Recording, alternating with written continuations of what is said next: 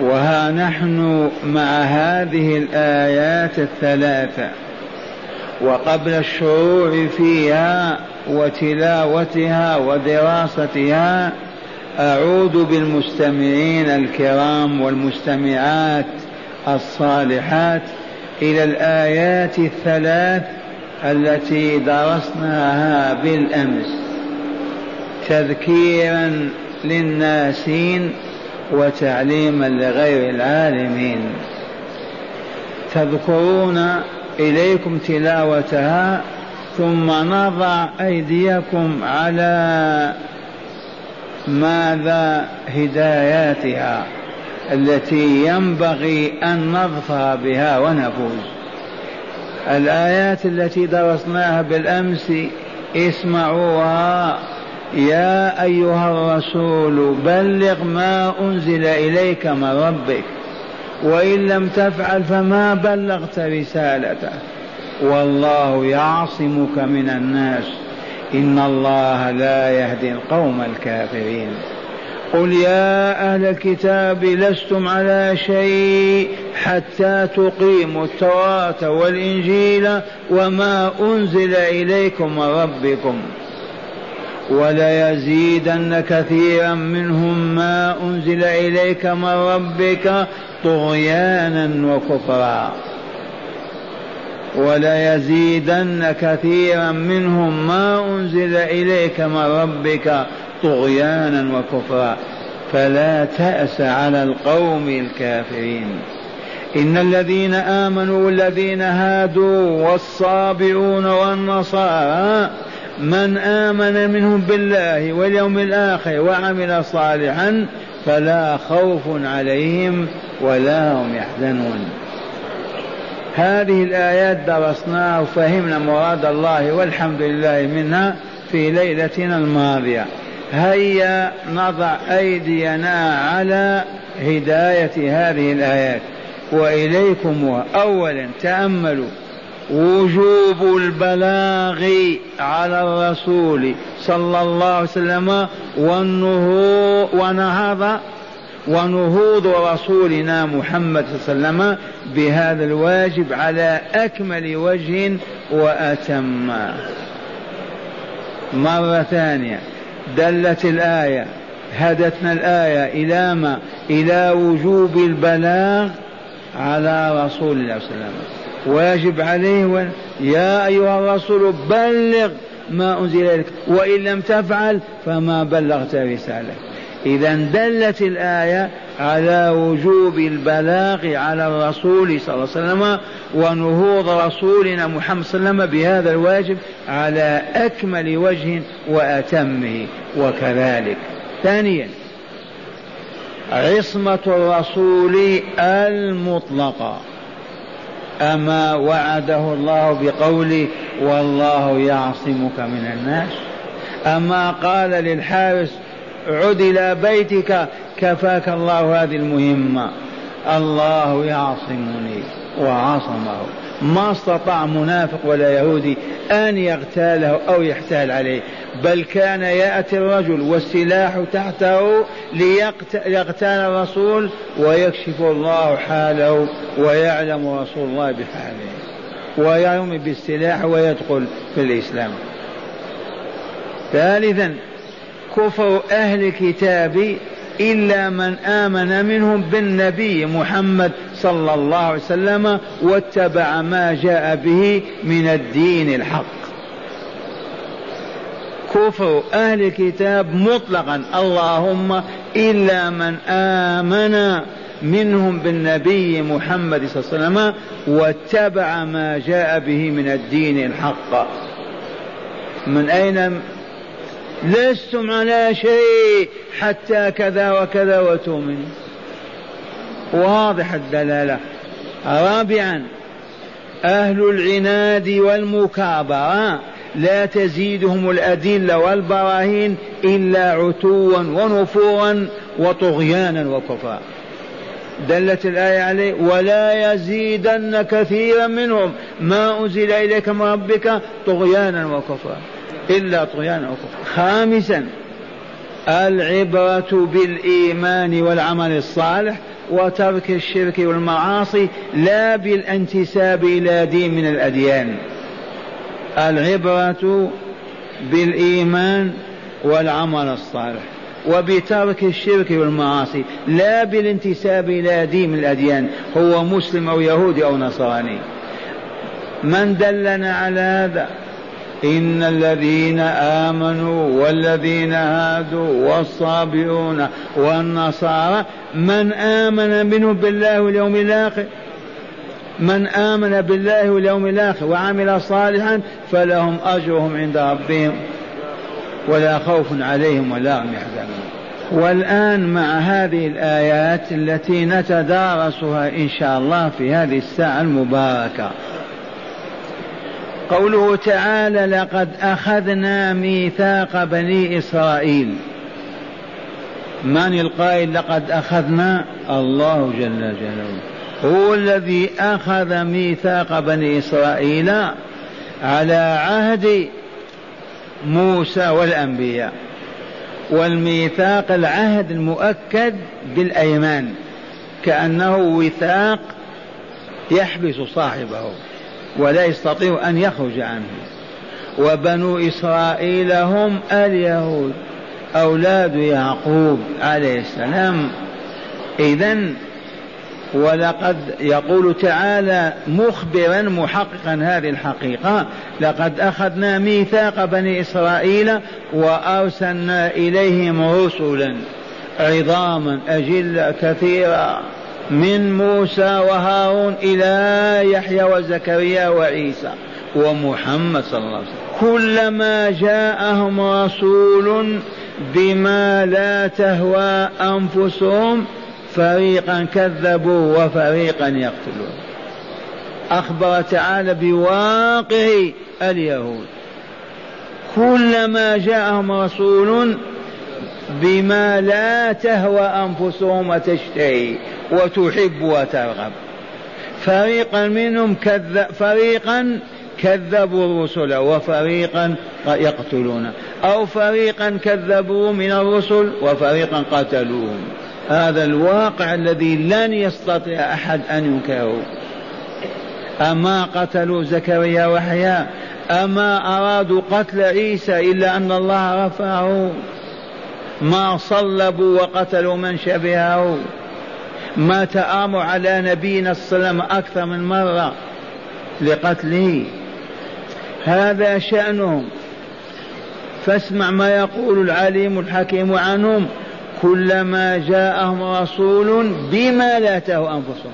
أما بما يشتهون ويحبونه يرحبون ويؤهلون ويعملون. لكن إذا جاء بأشياء ما تتفق وشهواتهم. لا تتلائم مع أطماعهم وأهواهم ماذا يفعلون؟ إما أن يكذبوا ويقتلوا. منهم من يكذبونهم ومنهم من يقتلون. والله العظيم. قال تعالى وحسبوا ألا تكون فتنة. فعموا وصموا. ثم تاب الله عليهم. ثم عموا وصموا كثير منهم. والله بصير بما يعملون. ما معنى هذا؟ وحسبوا من هم؟ اليهود والحسبان الظن ظنوا أن لا تكون فتنة. يغنون يزغردون يلبسون الكعب العالي يصفقون يأكلون ربا يفعلون ما شاءوا. ولا تنزل بهم محنة ولا مصيبة. ومع الأسف الآن المسلمون يحملون هذا الظن. عطلنا شرائع الله فعلنا كل ما يكره الله ولا نحن بخائفين ابدا أن تنزل محنه بنا لا وباء ولا تيفود ولا خسف ولا صواق ولا يسلط علينا الكافرين. يبدو هذا والله أعلم. إلا من رحم الله. موقف بني إسرائيل. حال المسلمين اليوم وقبل اليوم ومن مئات السنين. حال مرضية لله عز وجل. أقاموا دين الله أقاموا كتابه. الجواب لا إلا القليل إلا ما رحم الله. هل هناك من هو خائف يبكي أن تنزل بالمسلمين صاعقة أو تنزل بهم محنة؟ ما يستطيعونها ولا واحد في الألف ولا في المئة لا إله إلا الله. القرآن كتاب هداية وإلا لا إلى يوم القيامة. لما ما نعتبر اسمع ما يقول وحسبوا ظنوا ألا تكون فتنة فمن ثم عموا فلم يروا العبر والعظات وصموا فلم يسمعوا الوعظ ولا التوجيه ولا الإرشاد. إذا ونزلت المحنة بهم. نبتدي من يوشع بن نون. تذكرون لما خرج موسى ببني إسرائيل ستمائة ألف من مصر وحدث أحداث عظيمة مسجلة عندنا مفهومة في كتاب الله. حسبنا أنهم قالوا لموسى اذهب أنت وربك فقاتلا إنا هنا قاعدون. فأبوا أن يمشوا معه إلى فلسطين لمحاربة الكفرة المشركين بها من العمالقة. ومات موسى وهارون في التيه. عليهم السلام. ومضت أربعون سنة وهم في تلك الصحراء. ولولا لطف الله به وإحسان إليهم لهلكوا عن آخرهم. ولكن الله كريم رحيم. ثم مات ذاك الجيل الهابط ونشأ جيل في الصحراء. فقادهم يوشع بن نون وانتصر بإذن الله. ومزق شمل الكافرين وأقام دولة الإيمان والإسلام في فلسطين. مضى سنون ثم انتكسوا الأغاني والمزامير والشهوات والأطماع والربا وكما هو سلوك البشر. إذا فسلط الله عليهم البابليين. أدبوهم مزقوهم شتتوهم خرجوهم من بلادهم فلسطين وعاشوا في آفاق هنا وهناك. ثم كما أخبرنا تعالى جاءوا إلى أحد أنبيائهم وطلبوا منه أن يملكم عليهم ملكا وأن يقاتلوا في سبيل الله. واستجاب الله وملك عليهم وقادهم. من طالوت وخاض المعارك مع العدو ونصره الله مع الفئة المؤمنة وتكونت دولة بني إسرائيل من جديد على عهد داود وسليمان فكانت قد سيطرت على العالم في ذلك الزمان. امتد سلطان سليمان من الشرق والغرب. ثم عموا وصموا. وانغمسوا في الشهوات واللذائذ المادة. أبو القاسم نبينا صلى الله عليه وسلم يقول هذا الكعب العالي أول ما ظهر في الأرض على بني إسرائيل. تعرفون الكعب العالي تلبسه الماء وتصبح تتمايل في الشارع تجذب النفوس هكذا والقلوب إليها. إذا ما هي إلا فترة من الزمان أربعمائة سنة مئتين ثلاثمائة وحسبوا ألا تكون فتنة. فعموا عن العظات والعبارة فلم يصروا وصموا ولم يسمعوا دعوة الدعاة والهداة منهم. فنزلت بهم المحنة. سلط الله عليهم الرومانيين. مزقوهم شتتوهم فعلوا بهم العجيب. إلى الآن مشتتين مشردين قولوا آمنا بالله. ومن ثم هربوا إلى العرب لأنهم أميون وهم علماء يسودون بينهم. وفروا من الرومان وقتلهم لهم وتشريدهم. الآن فهمتم معنى قول ربنا وحسبوا ألا تكون فتنة. فعموا وصموا ثم تاب الله عليهم. ثم عموا وصموا. كثير منهم والله بصير بما يعملون. ونحن أيها المسلمون يا أهل القرآن لما عمي آباؤنا وأجدادنا وصموا سلط الله علينا بريطانيا وإلا لا. آه أين ممالك الهند؟ وسلط علينا فرنسا. أين شمال إفريقيا؟ وسلط وسلط. صح وإلا لا؟ لأننا عمونا وصممنا. والآن استقللنا وتحررنا. الزمام بأيدينا. هل أقمنا الصلاة فقط؟ هل أقمنا الصلاة؟ كلما استقل إقليم من أندونيسيا إلى موريتانيا ما هناك حاكم أجبر الأمة على إقامة الصلاة مدنيين أو عسكريين. والله ما كان. هل جبيت الزكاة فقط فريضة الإسلام وقاعدته؟ بل استبدل عنها بالضرائب الفادحة الهالكة. وما طلبوا بالزكاة ولا طالبوا بها. ماذا نقول؟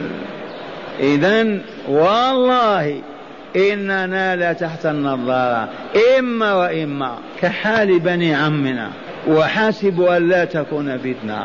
ظنوا ما هناك أبدا ما يقع. فعموا وصموا ثم تاب الله عليهم ثم عموا وصموا. ونحن أيضا رجعنا وإلا لا واستقللنا وحكمنا لم ما نقيم الصلاة ونؤتي الزكاة ونام بالمعروف وننهى عن المنكر.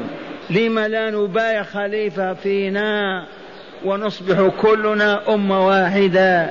لم لا نجتمع في بيوت ربنا ونتعلم الكتاب والحكمة فنطهو ونصفو ونكمل ونعرف الطريق إلى الله. نحن مصرون على الأهواء والأطماع والشهوات كبني عمنا. بل نحن أكثر. ونحن ننتظر حكم الله عز وجل. أو نحن أفضل من بني إسرائيل؟ لا أبدا. أولاد الأنبياء هم بنو إسرائيل. لكن لما أعرضوا أعرض الله عنهم لما أغضبوا الله عز وجل سلط عليهم ما شاء أن يسلط وهم مشردون في الآفاق يطمعون في إعادة مملكة بني إسرائيل. ولن يتحقق مرادهم فقط لما يظهر الإسلام من جديد ويتوب المسلمون في أربع وعشرين ساعة. ما يبقى أمل لليهود ولا مطمع. وإليكم البيان النبوي الصحيح. يقول صلى الله عليه وسلم لتقاتلن اليهود. يا رسول الله من هؤلاء اليهود الذين نقاتلهم؟ حفنا مشاردين نقاتلهم ودولتنا وخلافتنا سيطرت على أكثر من نصف العالم كيف نقاتلهم؟ ما أستطاع أحد يقول ولكن أخبر أبو القاسم لتقاتلن اليهود ثم لتسلطن عليهم. من يسلطون من يسلطون عليهم؟ الله بالأسباب التي يريد. ثم لتسلطن عليهم. كثيرا ما أقول. لو رجعنا إلى الطريق ومشينا أيام فقط لا أعوام واستقمنا.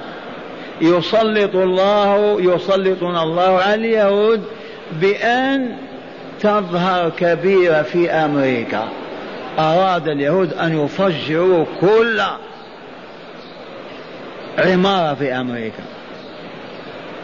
كذا يصدر أمر بقتل اليهود. كما فعل هتلر في العام الماضي. هتلر ما شردهم وقتلهم قتل أكثر من ثلاثين ألف اليهود في ألمانيا. سلطه الله. فقط لما نقبل نحن على الله يقبلنا. لا تسأل عن الأسباب التي يوجدها الله عز وجل. لأن كلمة لا تسلطن دالة على هذا المعنى. يتخلى عنهم بريطانيا والعالم الأوروبي وأمريكا. فإذا تخلوا عنهم نساؤنا وأطفالنا يخرجونهم ويقتلونهم. إذا والسر ما زال في قوله فلتسلطن عليهم فتقتلوهم حتى يقول الشجر والحجر يا مسلم هذا يهودي ورائي فاقتلوه. هنا الحكمة المحمدية. تقتلونهم حتى يقول الشجر والحجر. يا مسلم يقول يا عربي آه؟ أو ما يقول يا مسلم. هل الشجر يكذب؟ ها ينطقه الجبار. آية من آياته. هل الحجر يكذب؟ يقول لغير المسلم يا مسلم. الشاهد عندنا الشجر والحجر ما يكذب يقول لي علماني اشتراكي خرافي ضال مشرك يا مسلم يكذب الشجر والحجر؟ والله ما كان. ومعنى هذا كيف يسلطنا الله عليهم؟ لأننا أسلمنا. أولا أقمنا دين الله ورفعنا راية لا إله إلا الله فأصبحنا أولياء الله ثم يسلطنا الله عليهم فنقتلوهم حتى يقول الشجر والحجر يا مسلم هذا يهودي ورائي فاقتلوا إلا شجر الغرقد. فإنه شجر اليهودي تعرفون بقيع الغرقد هذا؟ كان ينبت فيه هذا الغرقد وينبت في الغابة أيضا. هذا الشجر إذا اختبأ يهودي وراءه ما يخبر عنه. لأنهم يقدسون هذا الشجر إلى الآن وارجع إلى ديارهم. ويحتفون باحتفاء عجب. أكثر من الزيتون والبرتقال. وصدق رسول الله. والشاهد عندنا يقول الشجر والحجر ماذا يا عربي؟ لو لم يكن ذلك العبد قد أسلم قلبه لله ووجهه. وأصبح يعبد الله ويؤله ويقدسه ولا يعرف سوى الله عز وجل. ما يقول له يا مسلم وقد أسلم قلبه للشهوات والأطماع والدنيا الفاسدة. اسمعوا. قال وحسبوا ألا تكون فتنة أي امتحان واختبار بالوباء بالخسف بتسليط عدو. إذ هو هذا الفتنة. فمن ثم للفاء فعموا. عن العظات ما أصبحوا يبصرون. والله أحداث تحدث في العالم العربي ما يعتبرون بها أبدا. آمنون. ما في من صاح يبكي يا قومنا. عجلوا بالتوبة قبل أن تنزل المحنة بنا. ما في. سمعتم بهذا؟ آمنون. لا إله إلا الله. فعموا وصموا ثم تاب الله عليهم على عهد داود وسليمان. ثم عموا وصموا. إذا سلط الله عليهم الرومان وهم إلى الآن أذلة مشردين.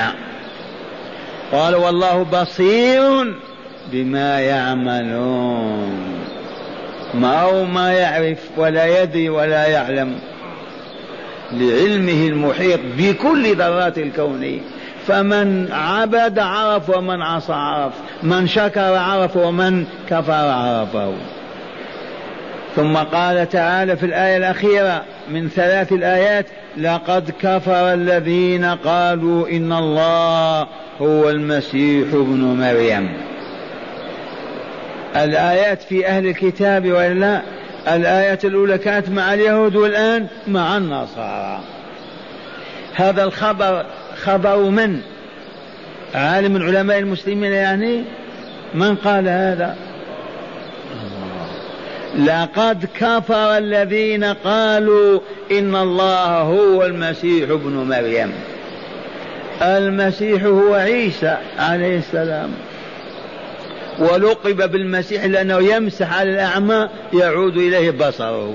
على الابرص يطيب جلده. هذا المسيح هو عيسى ابن مريم اليعقوبيون فرقة من فرق النصارى تعرف باليعقوبية. مذهب. هؤلاء اليعقوبيون قالوا اتحد عيسى الابن مع ربه فأصبح عيسى هو الإله هو الله.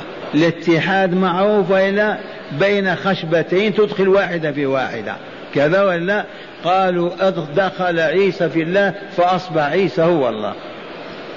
ولا تعجب. والله كما تسمع. أيخبر الله بغير الواقع؟ هؤلاء اليعقوبية وغيرهم أصحاب الأقانيم الثلاثة. الله وروح القدس أو الأب والابن وروح القدس. الأب هو الله. والابن عيسى ولده وروح القدس هو جبريل. الثلاثة يكونون الله أو الإله. سيأتي لقد كفر الذين قالوا إن الله ثالث ثلاثة. وكما علمنا ألف مرة أن النصارى افترقوا إلى اثنتين وسبعين فرقة واليهود إلى إحدى وسبعين فرقة. ولن يستطيع من تحت السماء أن يرد على رسول الله صلى الله عليه وسلم. وستفترق هذه الأمة إلى ثلاثة وسبعين فرقة. والله لقد افترقت إليها وتم العدد بكامله. عجب. اسمع ما يقول تعالى بعدما بين حال اليهود عاد إلى النصارى وهم أهل الكتاب. لقد كفر الذين قالوا إن الله هو المسيح ابن مريم. تعرفون من مريم هذه؟ سموا بناتكم مريم. لا لا سميها بيان. مريم معناها خادمة الله. باللغة العبرية خادمة الله. لأن والدتها حن عليه السلام لما نذرت لله ما في بطنها واستجاب الله لها ورزقها الطفل سمتها خادمة الله. مريم بمعنى خادمة الله. وبالفعل ما خدمت أمها ابدا. تركتها في المسجد تعبد الله لأنها نذيرة لله عز وجل. هذه مريم البتول أنجبت عيسى فسمي عيسى ابن مريم اذ لا اب له وإنما قال بكلمة التكوين قال الله كن فكان ربع ساعة والمخاض يهزها وهي تحت الشجرة أو النخلة تتألم للوضع. اسمعوا لقد كفر الذين قالوا إن الله هو المسيح ابن مريم. كفروا ولا لا؟ الذي يشك في كفرهم كافر. أو ما فهمتم؟ الله يقول لقد كفر الذين قالوا إن الله هو المسيح ابن مريم فالذي لا يقول هذا ولا يكفرهم كفر. أحب أم صغير؟ ثم قال تعالى وقال المسيح. هم قالوا المسيح هو ابن الله ولا لا؟ هو الله. المسيح ماذا قال؟ في حفل عظيم. في حشد كبير اسمع هذه الخطبة أو هذه الكلمة مسجلة. من سجلها الزمان طويل ألف وأربعمائة سنة ألفين سنة. آه من سجل هذا؟ بالحرف الواحد. لا إله إلا الله. في حفل قال يا بني إسرائيل يا أولاد من يعقوب الملقب بإسرائيل اعبدوا الله ربي وربكم. قال اعبدوني؟ قال اعبدوني لهم. ولا ماذا قال؟ اعبدوا الله ربي أي خالقي ومالكي وإلهي الذي أعبده وهو ربكم أيضا أي خالقكم ورازقكم ومدبر أمركم وهو إلهكم الحق. اعبدوا الله ربي وربكم. ثم علل وهو الحكيم يتلقى معارفه عن الله. ماذا علل؟ قال إنه أي الحال والشأن من يشرك بالله فقد حرم الله عليه الجنة. من يشرك بالله إلها آخر يعبده معه بأي نوع من أنواع العبادة فقد حرم الله عليه الجنة تحريما ابديا ممنوعا منها لا يدخلها ابدا. ومأواه إذا حرم عليه الجنة فين يذهب. ما هناك إلا عالمان علوي وسفلي. عالم السعادة علوي وعالم الشقاء سفلي. في شيء ثاني ومن كل شيء خلقنا زوجين لعلكم تذكرون. موت وحياة صحة ومرض غنى وفقر عز وذل. إذا نعيم وشقاء علوي وسفلي. أين يذهبون إذا حرموا من الجنة؟ إلى جهنم إلى عالم الشقاء. لا إله إلا الله. والمسلمون يقرؤون سورة المائدة ويعرفون عن عيسى ما قال ويرضون بالشرك الأكبر. كيف الشرك الأكبر؟ أسألكم بالله أليس بين المسلمين من يقول هذه شاة سيدي عبد القادر؟ آه هذه نخلة مولاي فلان هذه كذا يتقربون إلى الأموات. لما؟ آه الله أمرهم بذلك. الجواب لا. وإنما الشيطان زين لهم عبادة هذه القبور فأصبحوا ينذرون لها النذور ويعكفون حولها والله بعيني هاتين مررنا في بلاد المسلمين الرجال والنساء عاكفين عكوفا حول القبور والأضرحة. يستمدون منهم الخير ويستعيذون بهم من الشر. عبادة ولا لا أما أزيدكم علما ولا لا الرجل منا المسبحة في يده لا إله إلا الله لا إله إلا الله نعم لا إله إلا الله. لما تأخذ سنة النوم والنعاس تسقط المسبحة. يا رسول الله أو يا سيدي عبد القادر أين ذاك الذكر؟ أو ما فهمتم هذه البربرية؟ أما كان يقول لا معبود إلا الله لا معبود إلا الله لا إله إلا الله لا إله إلا الله وإلا لا. لما سقطت المسبحة من يدي بالنعاس ما قال يا ربي؟ يا سيدي فلان. أزيدكم والله وأنا راكب إلى جنب أخينا يقود بنا السيارة خارج ديارنا هذه ما إن خرجت السيارة عن الطريق. يا رسول الله يا رسول الله. يا عبد الله لو مت لكفرت لهلكت أين الله؟ أو تشكون في هذا؟ الذي يشك في أن مدرس المسجد النبوي يكذب يجب أن يعود إلى دياره. أعوذ بالله. هذا مثال والله للمرأة يهزها الطلق وهي تكاد تضع ممسكة بحبل في العمود وهي يا الله يا سيدي فلان يا الله يا النبي يا كذا. ما هو إله واحد. صح هذا وإلا ما صح؟ ما سببه؟ سببه الجهل. دام النور في القلوب والبصيرة لأن القرآن نقرأ على الموتى صح وإلا لا؟ من أندونيسيا إلى موريتانيا مضت قرون لا يجتمع المسلمون اجتماعا. هذا والله على تلاوة كتاب الله ودراسته وهم عوام ورجال ونساء ليتعلموا الهدى ويعبدوا الله على الحق. وإنما يجتمعون على القرآن على الميت. حلقة كبيرة والشاي وإلا الكسكسون أو الرز بعد ذلك نقرأ على الميت حتى يدخل الجنة. ولا نفكر في معنى آية أبدا. بل إذا قلت قال الله أسكت القرآن تفسيره خطأ صوابه خطأ وخطأه كفر. ما تقول قال الله؟ قول قال سيدي فلان أو قال الشيخ الفلاني.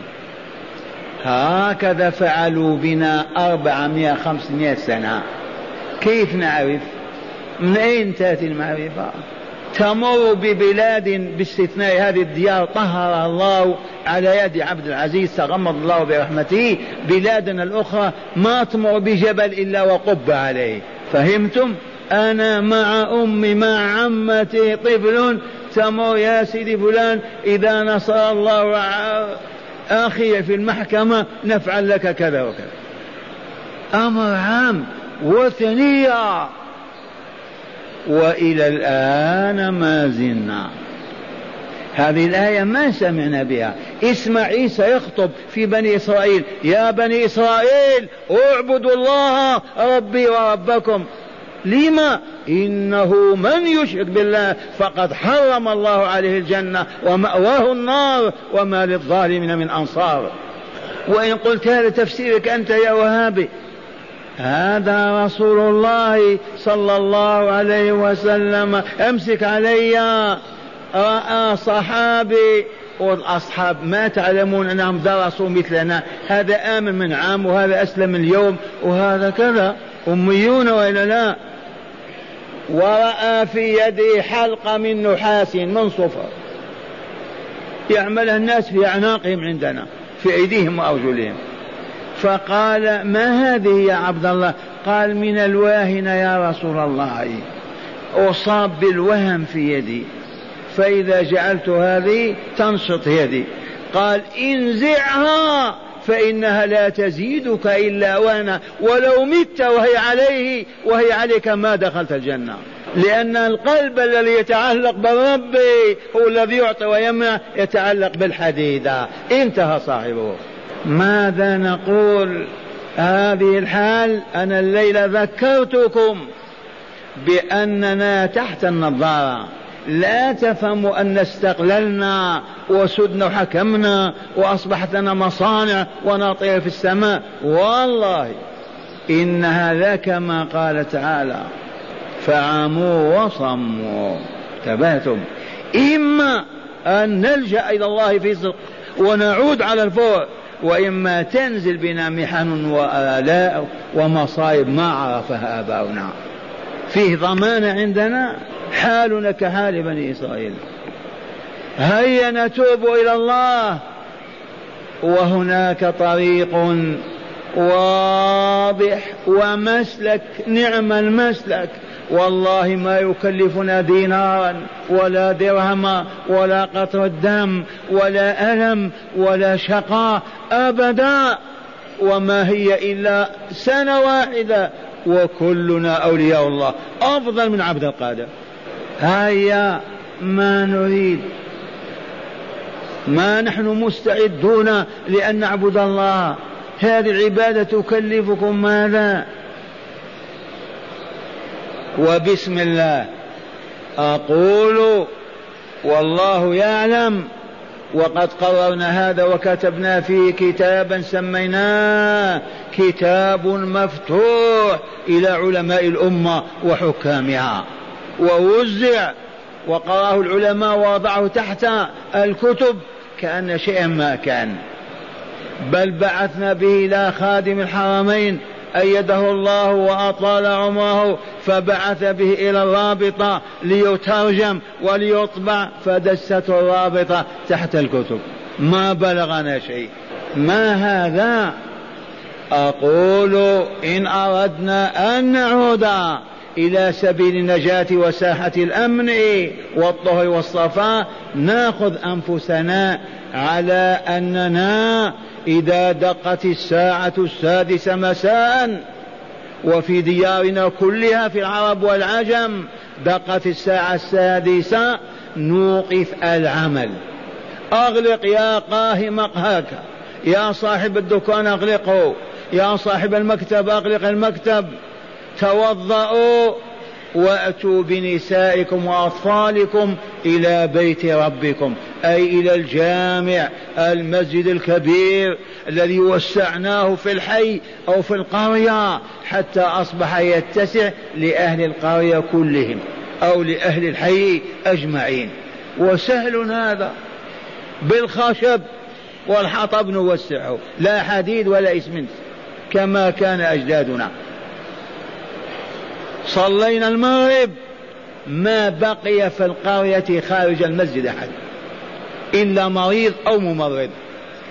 كل أهل القرية في المسجد كل أهل الحي في المسجد. نصلي المغرب كما صلينا الآن ثم يجلس ينام ربي عليم بكتاب الله وهدي رسوله كجلوس جلوسنا هذا وندرس آية كما درسناها الليلة. ونحفظها نرددها حتى تحفظ فينا وبيننا. ثم نضع أيدينا على المطلوب منها كما علمنا. وغدا حديث من أحاديث الرسول صلى الله عليه وسلم المفسرة المبينة لكتاب الله. نردد حتى يحفظه نساؤنا وأطفالنا وفحولنا. ثم نعرف مراد الرسول منه فنعزم على التطبيق والعمل. ويوما بعد يوم يوم آية. والله ما تمضي سنة إن صبرنا مع أن هذا العمل ما يوقف شيئا أبدا. اليهود والنصارى والمجوس إذا دقت الساعة السادسة وقف العمل. وإلا لا ويذهبون إلى المراقص والمقاصف والملاهي والملاعب أليس كذلك؟ والله بلى. ونحن فقط لأننا نريد أن نسود ونقود لأننا أحياء وهم أموات نحن مؤمنون وهم كافرون. إذا نصبر ساعة ونصف في بيت ربي سنة. والله ما يبقى جاهل ولا جاهلة ولسنا في حاجة إلى كتابة ولا إلى قلم وإنما نتلقى العلم والحكمة كما تلقاه أصحاب رسول الله بدون ما قلم ولا دوات ولا كتابة. والعلم الذي بالكتابة نأخذه في النهار في المدارس لكن هذا العلم الروحاني الرباني نتلقاه ليليا للعمل به في النهار.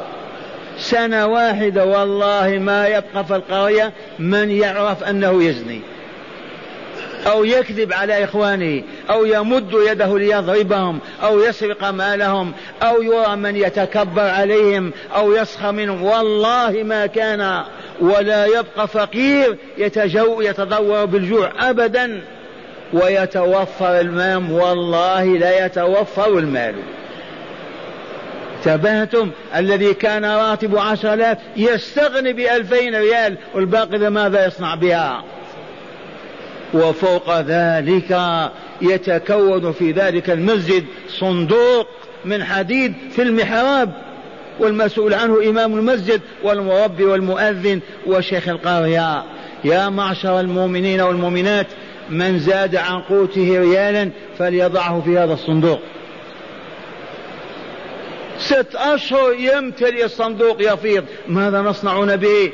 انظر المنطقة تحتاج إلى مصنع. أنشئوا مصنع. تحتاج إلى مزرعة أو زراعية مزرعة. ويبارك الله في ذلك المال وينمو ويفيض. وما تبقى بنك ولا ربا. بل تليفون أعطوا لفلان من القرية الفلانية. وتصاب الماسونية بالجنون. ويصاب اليهود والنصارى بالعفن. ماذا هذا؟ كيف طلع هذا الفجر؟ رغم أنوفهم. ولا يستطيعون أن يزلزلوا أقدامنا لأن الله أصبح ولينا. ماذا يكلفنا هذا؟ ما نستطيع أن نصبر لوجه الله ساعة. نتعلم كتاب الله وهدي رسوله. نعم هذا الصوت إذا سمعته الماسونية والعلمانيون والمسيحيون يغضبون لكن نمد أعناقنا يعني. كلما سمعوا الحق غضبوا نرضى. نسكت؟ اغضبوا. ما طالبناكم بشيء أبدا. نحن في بيوت ربنا. وتنتهي الجهالات والشركيات والخرافات والضلالات والأحقاد والأحساد والأمراض كلها تمحى في سنة واحدة. هل سمعتم من يبلغ؟ لا إله إلا الله. يا علماء يا رجال السياسة يا حاكمون يا يا استجيبوا جربوا جربوا. إخوانكم شاردين ضائعين في الباطل اجمعوا في بيت الرب ولقنوهم الكتاب والحكمة. أما قال تعالى فينا هو الذي بعث في الأميين رسولا منهم يتلو عليهم آياته ويزكيهم ويعلمهم ماذا؟ الكتاب والحكمة. تعلموا وفازوا وإلا لا؟ والله ما اكتحلت عين الوجود بأمة أطهر ولا أعز ولا أكمل ولا أصفى من تلك الأمة في قرونها الثلاثة الصحابة وأولادهم وأولاد أولادهم. عرفتم هذا؟ كيف حصلوا على هذا الكمال حصل بالعلم بالكتاب والحكمة بطاعة الله والانقياد له. هيا بنا؟ ما نستطيع يا شيخ. اصبروا. ماذا نقول؟ النجاة النجاة. يا عبد الله يا أمة الله اطلب النجاة لنفسك. تعرف إلى ربك. تعرف إلى ما يحب ويكره. وافعل المحبوب وتخلى عن المكروه. واصبر على ما يصيبك. ما هي إلا ساعات وأنت في الملكوت الأعلى. اللهم حقق لنا ذلك.